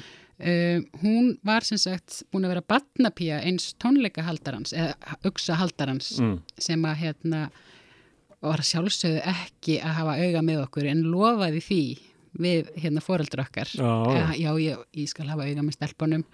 E, það næsta sem við vitum af honum er að hann er að fara með miljón í cash upp á leifstöð að ná í Prodigy sem að neitið að koma til landsins nema fá held í staðgreitt í, í bara reyðu fjö Já, ok. Já, já, ekki var hann að líta með okkur sko. Og hérna já, en við vorum mann ég sko að læsa tjöldunum okkar. Ef að ein drafst bara þau nota reyn og beina íslensku að þá vorum við að læsa hann inni. Þið læsti hann að breyndi já, Já. og bara með litlum svona hengilás á, á rennilásnum. Þannig að hérna, við vorum alveg með eitthvað svona ákveðin öryggisatrið á hreinu. Ég til dæmis var einu sinni inni? Aðeins að leggja mig. Og hérna já, þá voru svo margir að spurja hérna, hvað hvað ætlar að gera ef hann vaknar og hann þarf að fara á klósettið? Þá voru við með svona, að þær var allan í þeir tilfelli að segja bara, já, við viljum frekar að hún pissi bara inn í tjaldinu heldur en að koma eitthvað fyrir hana. Og það fannst okkur svona svolítið sterkar stelpur að standa saman já, en það kom ekki til þess. Nei, sem betur fyrir þær voru bara hann úti að syngja ykkur gítapartí þegar ég vaknaði svo og, og, og, bara, og slóst með í hópinn og, söng með Það þurftir ekki eitthvað Stelbur, ég þarf að komast út. Jú, jú, ég byrjaði eitthvað, stelpur. En svo mann ég, svo kom Prodigy í loksins. Já. og var held ég annað síðasta kvöldið. Og þá voru við harpa hann að fremstar á við sviðið. Og, og hann, heitir hann ekki Keith? Mm hann að söngvarinn eða aðal fórsprakkin hann ætlar að- fara og, og svona stage stæfa hvað segir þú á góður í íslensku? Ég, við skulum bara nota það. Já, hann, þú ert svo ofta að setja ykkur góð íslensku orð. við megum hérna gera það sem við viljum í podcasti Já, Af því podcast Það er náttúrulega að hlusta sem hefur ekki áhuga á því. Við Akkurat. erum ekki að þrönga neinu ofan í aðtöð, fólki. vel aðtöð. Hérna, já, hann sem sagt að, að steitstæfa og, og byrjar einhvern veginn á að, að hoppa á okkur Mm. og við erum svo litlar og, og fullar að við dettum bara, þannig að við þrjú liggjum í ykkur svona kuðli í smá stund þarna fremst við sviðið og hann þurfti síðan bara að klifra aftur upp á svið og, og þetta misefnaðist alveg hjá hann og þetta fannst okkur svolítið töff þegar við sáum, þú veist, þegar svo sá ég náttúrulega vídeo með Firestarter og fullt af flottum vídeo með hérna Prodigy MTV-inu svo. Mm. alltaf bara, hann hefur leið og hann að mér alltaf, af, uh, alltaf rosa mikið að reyna að fá fólk til öfundi með því. Fattaði kannski ekki alveg hvað þetta hljóma ógeðslega illa. En, en svona heilt yfir uh, var þetta skemmtilegt? Uxi, þið- já. já, verið var gott nefnilega. Og hérna og jú, ég man bara eftir því að þetta væri mjög gaman. Mm. ég svona, ymmit, á hann einhverja minningar, nokkra minningar og, og, og svo var, er, var einhver heimildamind gerð hún er eitthvað nýkomin á flug aftur Þú tókst aðeins þátt í henni eða ekki? Jú, jú, og þá var ég bara í rauninni að gefa ánægja mín í ljós, hérna, bara öskrandi glöð, Já. já, já. og með eitthvað, eitthvað gaur í, eftirdrægi sem ég man ekkit, ekkit eftir að hafa kynst eða þekkt á Nei. þeim tíma, sko, en hann Nei. virtist vera alveg mikið hanna með Al- mér, alveg eitthvað voða skotin í mér hanna, já, já, já, Uh, höldum áfram með tónlist við uh, þurfum að fara að keira þetta aðeins í já, gang eða ekki, uh, sko, við spilum Tóri Ímá síðan aðan Mm. og uh, hún eins og næsta sveit spila hérna heima sástu þetta hérna heima? já, ég nefnilega fór áskangan hans í, í, í lögatarsöllinni Mm. það var 97 minni mig og þá var ég flutt heim frá Hollandi og, og hérna mann að pappi fekk bóðsmiða á, á alla þessa svona tónleika hann var að gera, hann er grafiskur hönnur var að gera plakkutinn og svona fyrir tónleikahaldarana Mm. og ég man að ég fekk VIP passa No. óbærslega flottan á þessa tónleika sem komið mér ekki nettinu. Nú. Nei, ég bara var, fekk að vera með hann um hálsin en ég man síðan að því að síðar meir uh, fór ég, ég fór, byrjaði að vinna bara þá var það þreymur árum síðar hérna í tónleikahaldi og erfeifs og svona og hérna man ég alltaf eftir þessari 17, 18 ára píu með VIP passa á Gangan Nancy, hvað hún var alltaf glöð. Og svo var ég náttúrulega alltaf með þess að þetta voru yfirleitt AAA passar eða Access All Areas. Já. en ég reyndi alltaf að finna þessa hérna litlu í mér. Mér fannst þetta svo, svo geggjað moment þegar ég var með hérna hennar passa um hálsinn sko á skanganansi en ég man eiginlega bara eftir því af tónleikunum Já, Já, ég man bara eftir að hafa staðið og horta, hann var rosalega flottur þessi passi, svona laminerað frímerki og stóð VIP síðan á passanum og hérna var alveg nóg fyrir mig. En ég man samt alveg eftir að hafa hlusta mjög mikið á skankanansi og mér fannst þessi kona, þessi söngkona sem ég man ekki, ég fljótu bara hvað heitir, skinn. Skinn auðvitað, geggjuð. Já, hún, var, hún, hún heitlaði uh, konur mjög mikið. Sköllótt sem var mjög sjálfgett með konur á þessum tíma. Já, svört sköllótt kona einmitt og bara eitthvað þessi- orka í henni. mm. hún er svona á jæðrunum við að vera aggressív en samt ekki, hún er bara mikið power sko Ég man nú eftir myndbandinu við Selling Jesus mm. já, og ég var svolítið hrættu við það bara sjálfur sko. Já, hún var líka mjög grimm í framann og öskraði framann í vélina og já, já, já, einmitt með þess að skjanna hvíti tennur Já. og, já, já, Þannig eru aðeins mýkri já, Þú hefur ákvað að hérna, ganga e, mjúkavegin í, í dag. Já allir það ekki, mér fannst þetta alltaf mjög flott lag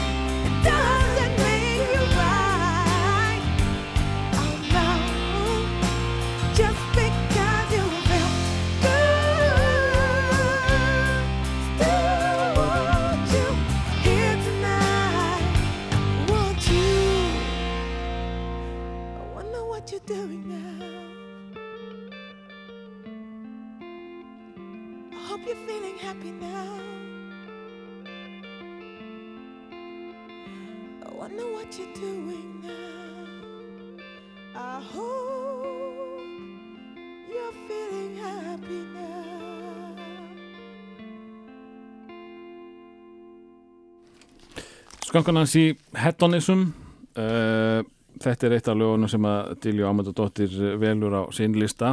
Við erum alltaf búin að röfla mikið og, og þurfum að koma tónlist að. Uh, mér langar bara rétt að skjóta því að uh, að því að Arnar Eggert er einn gestana minna í, í þessari þáttaröð. Og ég sá hann haldið nú fast. Mhm. uh, það var einhver að pósta á þrumri þókunni Mm. hérna bestu 200 bestu plötur uh, 80s og þar sáu þeir tvær plötur með Sjárdei og Arnar Eggert var yfir sín nexlaður á því að sjá tvær plötur með þessari snildar söngkonu. Og ég bara er ekki ánæðið með hann. Býtu var hann nexlaður á því að hún væri hún, afkastamikil? að hún ætti tvær plötur á hvort það verið topp 100 eða, eða ég man ekki nokkulega á Vá. hvaða bíli Finnst, finnst honum Sade svona leðileg? Já, greinilega ekki nógu merkilegt til þess að fá tvær plötur á, á, en er finnst þú merkileg Hún er ógislega sæt líka. Ég frábær söngkona. frábær Ég nefnilega sko var mjög glöð þegar ég gætt séð að, en sem sagt ég gætt dreigið eitt af, af mínum uppáðslögum með henni By Your Side sem ég Mm. valdi að það náði inn í, inn í nýjuna Já, að því að hún er mjög 80s mikil tenging við, við hérna, Smooth Operator og svona er held ég 86 og eitthvað svo leiðis. það er fyrsta platan sko Já. og þar er hún miklu meira jazzy Já, en uh, hún er meira pop í, í Já. nýjinn sko einmitt. Og By Your Side var einmitt líka svona náði alveg inn í, inn í MTV spilunina. Mjög svona bara soft focus, vídeo, eitthvað. Já, en mér finnst þetta einmitt allt, sko, þetta lag. Allt sem, sko, allar reyfingar og söngur svona elegant Já, Já, einmitt. Og, og tónlistin er eitthvað svona sem að ég myndi lýsa sem svona rosalega mjúk, alveg svona Mm. kasmír mjúk af því röddinn hennar er það og líka bara spil, þú veist, undirspilið og, og minnst þetta lag alveg ábóðslega mjúkt, dún mjúkt Var þetta í rotation á MTV? já, þetta lag var stundum spilað þegar ef, ég var að horfa. ef við förum aðeins í MTV gleðina sem að þú uh, svona eiginlega áttir einn já, uh, hvað var svona merkilegt? Var þetta var var hollendingurinn að hanga fyrir fram að sjónvarpu og horfa á þetta eða varst þú svolítið sér á bátum ég held að ég hef verið svolítið sér á báti. Ah, það sem að mér fannst skemmtilegast á þessum tíma er að það koma vídeo og ég held að Aerosmith hefði byrjað alltaf með ákveðna tísku mm, þar sem eru söguþræðir. Já, þetta eru svona eins og litla stuttmyndir. Og Alicia Silverstone leikur hérna í bæði Crazy og ekkur öðru lagi með hérna. Og svo er ég með annan lagi mitt á þessum lista. Já, næsta lagi mitt. Vá hvað við erum að brúa flott núna. Það er hérna Janet Jackson gerir hérna líka svona svolítið eins og litlar sögur mm, og hérna og ég var einmitt ekkit endilega mjög hrifin af tónlistin hennar en ég tengdi þetta við eitthvað svona einmitt þetta ameríska MTV mm, hún, hún var algjörlega þaðan sko, hún var alltaf bara mjög amerísk. Og hún var líka með hérna That's the way love goes og, og þetta lag sem ég valdi Again sem er svona aðeins gimt en ekki glimt Mhm. típan. Og hérna það er ykkur ástasaga hann í gangi og hún er að sjálfa horfa á vídeoupptöku af sér og einhverjum gæja og situr á gólfinu og er að skrifa veit ekki lagateksta eða dagbók eða eitthvað svo leiðis og, og, og rifir hann upp og eitthvað. Og mér fannst þetta svolítið skemmtilegt tímabil. Ég svona gláft alveg á þessi vídeo svolítið og skoðaði um sögunum? Já, Já, fannst svona eins og litla stuttmyndir alveg mjög skemmtilegt form allavega á þessum tíma sko. það veist, þetta, er, þetta skiptist alveg svona upp í þessi vídeo, músikvídeó eru bara mjög ólík og skiptast upp í tímabil. En á þessum tíma hann er kringum 93, 4, 5, 6 eitthvað svo leiðis Mm. er mjög algengt svona sérstaklega frá bandaríkjunum. Svona sagt sögur. Mm. Uh, í fyrsta skipti í uh, þessari hlaðvarp sögu ætlum við að taka tvö í röð? Yes, af því þú, þú ert eiginlega búin að kynna bæði lögin inn. Heyrðu það er ymmit annað eins og já ymmit, Biosite og again, tökum tvöðröð, já Thank you.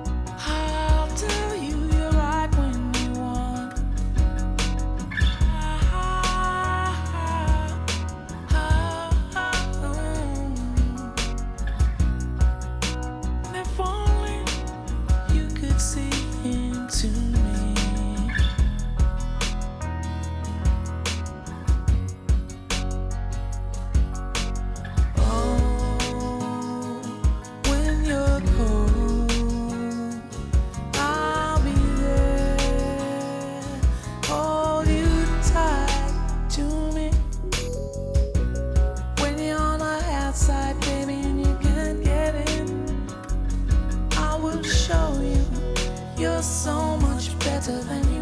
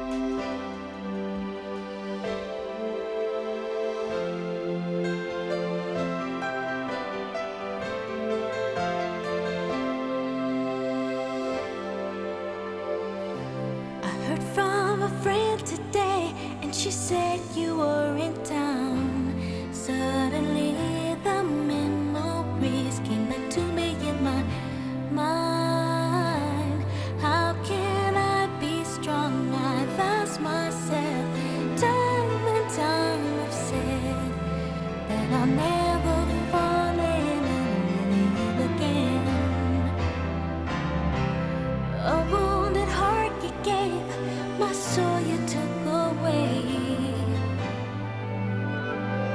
Good intentions you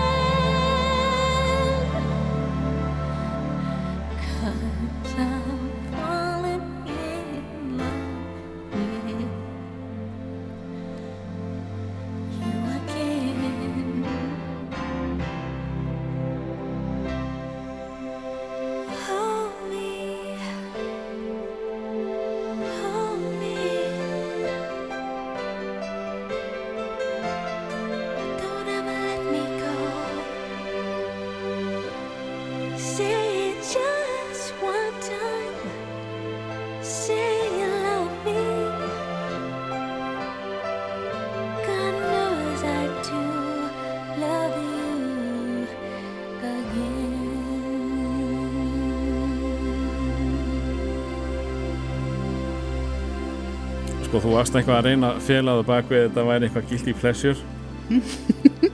Þetta er ekkert guilty pleasure Þetta er bara, þetta er bara flott lag þó þetta sé fáralega væmi og allt það.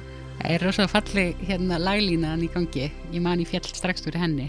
Eðlilega, Mm, eðlilega vel gert, hjá Janet. Eh, Þú varst að rifja upp hérna með hana að við vorum að taka þessar tvær uh, ballöður. Mm Vangolögin í tónlófæ Já, Heitustu Vangolögin Þú manst ennþá hvaða lög það eru. Já, það var uh, að sjálfsögðu Nothing Compares mm og uh, þá var mikið verið að spá í svona hvernig maður myndi vanga. Var maður með hérna sko útrétta handliki þegar maður snerti axlinnar á stráknum eða var maður að faðum mann Voru einhverjir svona síðgæðisverðir ekki, ekki, nei, ég held Nei. ekki. Nema bara við sjálf. Já, en það var svona, ég man við vorum að tala alveg eftir á alveg bara, þú veist já, við vorum sko í faðum, faðumlega vangadansi eða síðan var bara svona vangala sem að maður hafði svona sperta handliki og Mhm. það var bara meira til að útréttar. hafa eitthvað, já, útrétta svona. Það var bara til að hafa eitthvað til að vanga því að það var, Þóttið ekki kúla að vera vanglaus? Nei, ég man að við lögðum rosa mikið upp úr því og, og svo Verðum að, verðum að ná vangi. Já. Vangið var alveg rosa mikið. Það er örugglega svona eins og að fara heim með einhverjum Já, það er ekki á þrítúsaldurinn eða eitthvað. Þetta er svona, það var, það var greinilega eitthvað í gangi þá svona, en, en aðalega það var faðmvang, sko. Mm. Já, Þa, það var skor já. Já. En það var allavega Nothing Compares og Love Hurts, ég man ekki, það er, annað- það er svona alveg 60s, svona, Já, veist, ég held að svo útgáfa sé eitthvað early 80s uh, Já. ekki Nazareth jú, Já, einmitt, okkur fannst þetta geggjað, sko. ég vissi ekki hugmyndað en það, allan, það er allan ekki uh, lag frá þeim tíma Nei, nei, nei, það var elgamall lag Já, já, og svo var dottið í, í hérna November Rain, já, það er langur vangur. Mjög einmitt. Og það var stundum ekki vanga þegar gítarsóli kom hinslas, nei, það var tekið smá pása frá vangi. Já, kannski einmitt. Hvort það veri bara kvættað út af DJ-inu minn í DJ-búrinu plötu snúðurinn hann hann var, já. Það var allavega vangalag líka mm. novemberinn þetta var, svo einmitt fór maður í stræt og, og fór að passa bann yfirleitt eftir og, og fór að greina með vinkonu sínum hvernig vangedansin hafi verið og, og svona. Þetta, út, þetta var algjör bara hérna mikla pælingar í gangi. Uh, áfram höldum við og uh, það er uh, 80 stjarnana sem, a, Mhm. sem að kom aðeins bankað á, á hvað, ég var að segja, fræðardyrnar uh, í nýjunni. Mm, og síðan hefur hún bara lítið látið fyrir sér fara. Uh, Tracy Chapman. Já. Af hverju er hún hann Ég, já, þú spurði mig hérna held ég byrjun þáttarins hvenær svona ég man eftir mér pæla í tónlist og, Mm. og, og eitthvað svo leiðis og ætla hún sé ekki alveg með þeim fyrstu sem ég man eftir að hafa, það var plata til heima hjá okkur svona, feska já, Já, ég bara vildi setja hérna aftur og aftur á, alveg elskað hana sko, ætla sé ekki þannig að svipað eitthvað, eitthvað svona mjög uh, mjúkt eitthvað í röddin hennar svo fannst mér, ég man, ég var bara ung mér fannst mjög flott að hún væri sagt, lesbísk og væri svona fræg og að það væri svona öruglega margar konur sem að hérna fjalli fyrir konum af, af, það sem sagt, öðrum Mm. konum og, og getur litið upp til hennar og eitthvað svona hvað er eitthvað er, ég flott vissi, barn ekki, ég vissi ekki að hún væri lesbísk ég er að heyra það núna Já, einmitt. Ég man alveg að hérna, og þetta fannst mér alveg rosa flott að hún væri svona fræg og, og væri, þú veist, með gítarinn sinn og, og hérna það væri röglega gott fyrir aðrar konur sem að veldi koma Mm. út í þessum, þessum skáp. Yes. Byrjar að snemma að, að pæla í þessu Ég Áfram konur. gæti röglega trúi því að hérna, ég bara áfram konur. mm.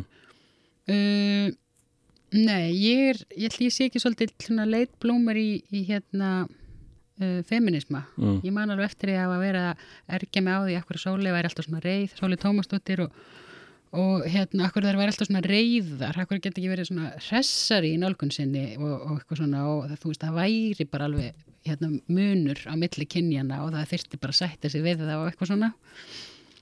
Svo er það man ekki alveg nákvæmlega, ég man samt að allt í henni fann ég, ég er orðin bara svolítið heitur feministi. Erstu hann reið?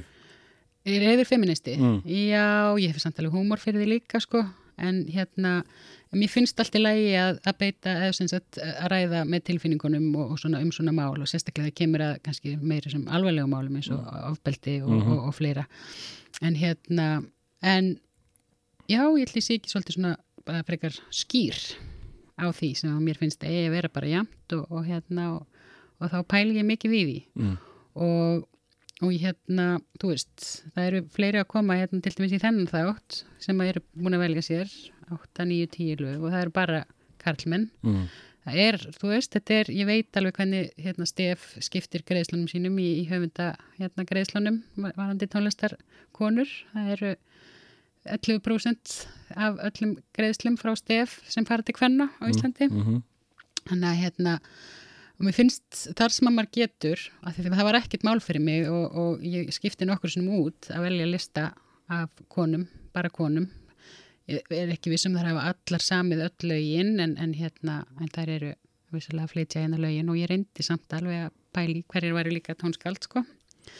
Þannig að hérna, að, að allavega koma því við og, og, og með því allavega sí, sína fram á að það eru líka fyllt af frábærum tónlistakonum og, og, og þá reyðja veginn eða þess að vera góða fyrirmyndi fyrir þær sem koma.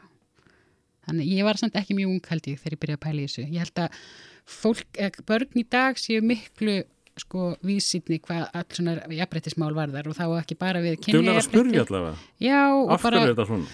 ymmit og eru, þú veist, eins og maður er eitthvað að segja já, svo verður, þú veist, um lítil börn eða eitthvað svo leis, svo verður, svo verður þau kannski kærustu par eða eitthvað svona eða þá segir til dæmis ein lítil 11 ára sem ég þekki já, eða þær kærustu par Mhm. þú veist, og þá er meiri sér inn í myndinni að, að önnu hvort þeirra kannski skiptir líka um kyn eða annarkvæmt ok. okay. eða allt skilur þú veist, og það er bara eitthvað sem gerist bara í kringum okkur og fólk er bara, og sérstaklega börnin bara, pff, já, Mhm. ekkert mál og allar þessar kynneigðir og allt svona en, en hérna já, ég allavega held að ég myndi segja að ég sé svona kannski ekki, hafa ekki verið þannig barn.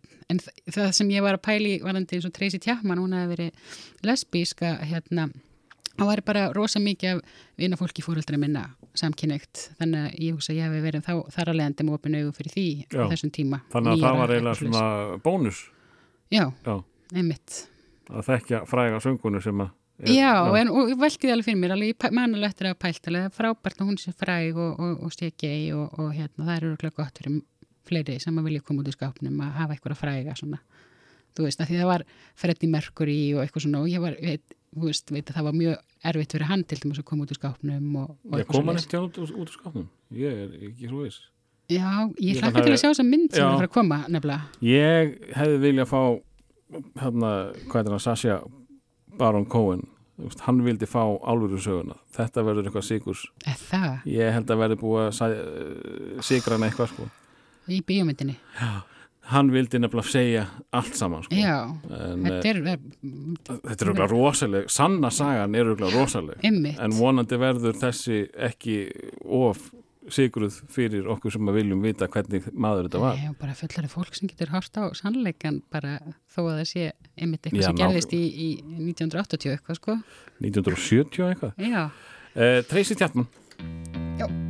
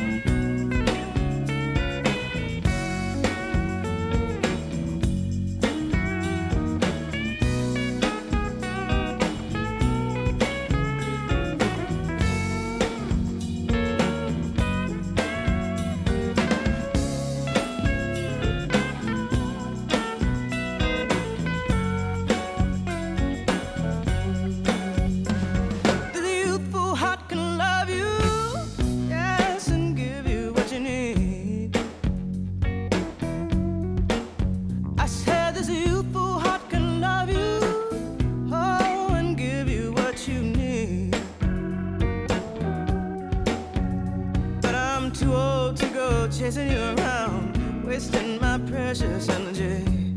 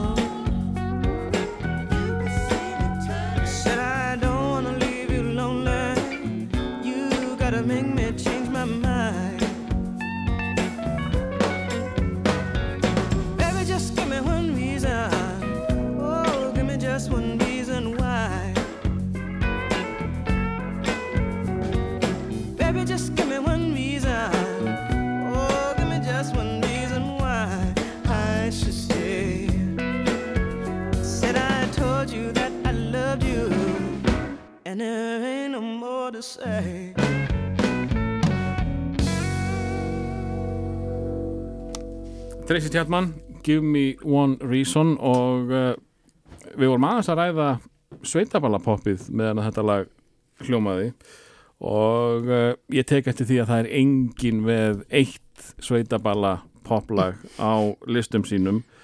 Uh, það eru vissulega glinda perlur þarna, trúðu mér. Ég, ég er svolítið að rannsaka þetta en það þarf ég að spila tónlist á hverjum degi þannig að ég er kannski meira að pæla í þessu heldur en venjulegt fólk. En uh, hvað var svona hvað var þitt? Ég veit að þetta nægir alveg inn í 2000 uh, úst, land og sínir uh, Sóldök og Amótisól og allir þessi strákar uh, hvað, hvað var þín? Sveitabali hljómsveit Mm. uppáhalds. Ég manna að við spurðum okkur ofta að þessu vinkonurnar hver, uh, hú veist og við minnir að við höfum oft sagt nýtönsk út af textunum Mm svo var ég og er ennþá en- og rosa sefin af SSól eða Síðanskinn sól og Helga Björns bara á balli á sviði og grafík, þetta blandast orðið allt hann hjá honum og, og þeim og hérna og ég man að Nostalgía kom út hann að 93 þegar maður er einhvern veginn algjör gelgja og það var Er snemma? Já, það var Ingibjörg Stefán sem leikur í vegfóður sem að mér fannst þeirra bara einn flottasta konar landsins og, og hún er ennþá vissilega mjög flott En Nákvæmlega. Já, en allavega svona stjarn alveg Mm. og hérna og, og, sem sagt, og, og búin að vera að spila hann á Piece of Cake komið mitt að spila í Tónabæ eitthvað tíman sem Piece of Cake Þú sagði mig það að, að þú kynir alla texta með Piece of Cake og ég er ekki vissum að margir íslendingar Nei, sko, Hafi- ég fór, það verður al, algjörlega hluti af, af nýjunni. Ég og Harpa, ég ætla að tala um Harpu, hérna fórum 13 sinnum á vegfóður í, í bíóborgina á Snorabraut og eða Östubæði bíó. Uh, við kunnum hana algjörlega utan af og ég held ég gæti talað alveg með mörgum sinnunum ennþá, sko. Já, Já, við svindluðum okkur sko inn, við komumst inn einhvern veginn hérna þar sem að fólk kom út úr salnum sem var uppi, Já. þar fórum við inn sem sagt, og, hú veist, í fimm bíó og eitthvað svona. Og svo áttu við kassettuna vegfóður, það sem að voru alls konar lög hana, með Piece of Cake eftir Manna Svavas og eitthvað svona og við vinkonurnar, ég man eftir við að sitt bara við skrifborðið og skrifum niður alla textana Já. og lærðum það bara alla autana þannig að hérna við bara kunnum alla þessa piece of cake texta autana og fórum mjög ánægja með það ég veit ekki hversu langt ég kæmist með það í dag en ég held alveg svolítið langt ef það myndi vera sett í gang og maður myndi rifið það eins Já, upp getur, sko. getur fyllt þessu. Já, Já. þetta er líka á þeim árum eða víst, milli svona 10-14 sem er það 12 ára er minnið víst í hámarki. Já, það svona límist hvað mest á 12 ára heila. Það sem að kemur inn þá, það, það helst Já, best. getur munað mest á Já. þessum tíma. Og bara, hérna, ég gæti þölið upp alls konar, ég gæti alltaf þölið upp alla ráþera og alþingismenn og eitthvað svona þegar ekkert vitaði hvað var að gerast þetta er bara eitthvað sem ég bara man úr fréttanum þú veist, þetta er hérna þegar ég er svona 11, 12, 13 ára Já, engin áhugi Nei, en það var náttúrulega gaman að muna lagateksta og Nei, ég er að meina með. á, á ráþörum Nei, Nei, alveg bara vissi nákvæmlega hvað allir hétu og, og allt. sko. hvaða ráðunetti var og... Já, já, Já, en ég man þetta ekki endilega í dag. Nei. Ég myndi, ég gæti svona, var að muna mjög mikið á þessum tíma, sko. Mhm. En ég hugsa svona að sumi lagatekstar eru öruglega fastir eitthvað staðar hana. Geti tekið á einhverja, einhverja krukku og, og hérna, og opnað hana og, og þá man ég öruglega þessa lagatekst eitthvað staðar. Við þurfum að flýta okkur uh, M-People, já, þetta er eitt af MTV lögunum sem að heitluðu yes, ég man eftir þessu vítjói Já, og ég man eftir þessari söngkonu mér fannst hún, e- eins og ég var að tala um Tracy Chapman áðan, alveg svona rosalega heillandi og skinn, Mm. greinilega er ég með eitthvað, eitthvað svona eitthvað smá blæti fyrir samkynniðan áhuga á þessum svörtu, sterku, flottu söngkonum Mhm. allar ólíkar samt og hérna, ólík tónlist Já, mér finnst alltaf æðislega flott orka hann í M-People og ég veit að Ichiko Park er nú gamalt lag mm og það var einmitt líka í sönglingum Stonefree sem var settur upp á borgarleikusinu í, nýjunni og hérna og ég einmitt já, ákvað að hafa þetta með. Þetta te- tengist þessum MTV áhorstíma alveg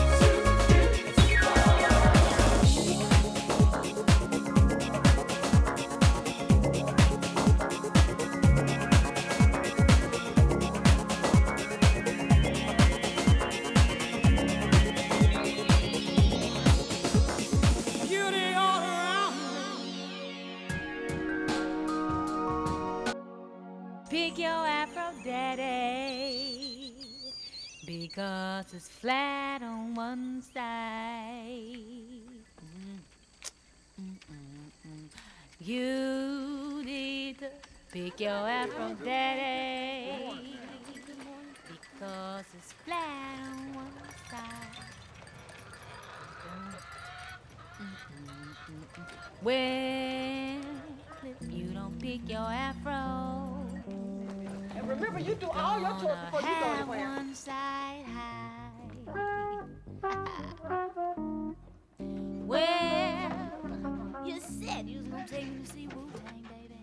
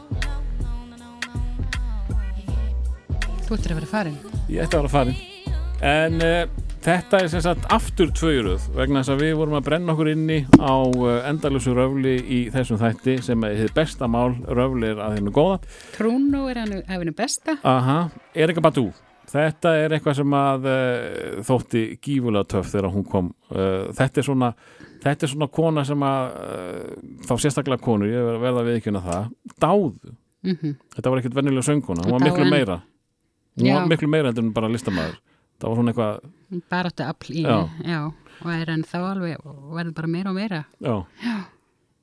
og hérna kannski svolítið líkist Björk að eitthvað er leitið mm, hún er svona íkon og það er fleira í í lista sagt, í listinni heldur en bara akkur að tónlistin. Þetta er Veist, það eru standa fyrir ákveðin málefni það eru ákveðin stílheim með sér mm. en mjög, allt mjög ólíkt sko hún hefur líka einmitt alltaf vandað rosalega vel til verka í tónlistarvídjónum. Já, einmitt. Og, hérna... og mörg svona eh, sem að eh, er mjög eftirminnileg. Já, sérstaklega hún er að lappa allsberg og... Já, þegar hún klæður svo öllu þarna ekstra. Já, já, einmitt. Það var svolítið magnað. Já, en hún kemur líka hann einmitt eh, nýjunda áratungnum og með þetta blandaða en samt þetta ofbáslega nýja sound, þetta, þessu hljóðmynd einhvern veginn svona þér að segja til já þá var uh, erfið að bíðið að gera út af við mig á þessum tíma. Já, þessi kom með eitthvað allt annað. Nefnilega. Þetta er svona eh, alvöru. Já,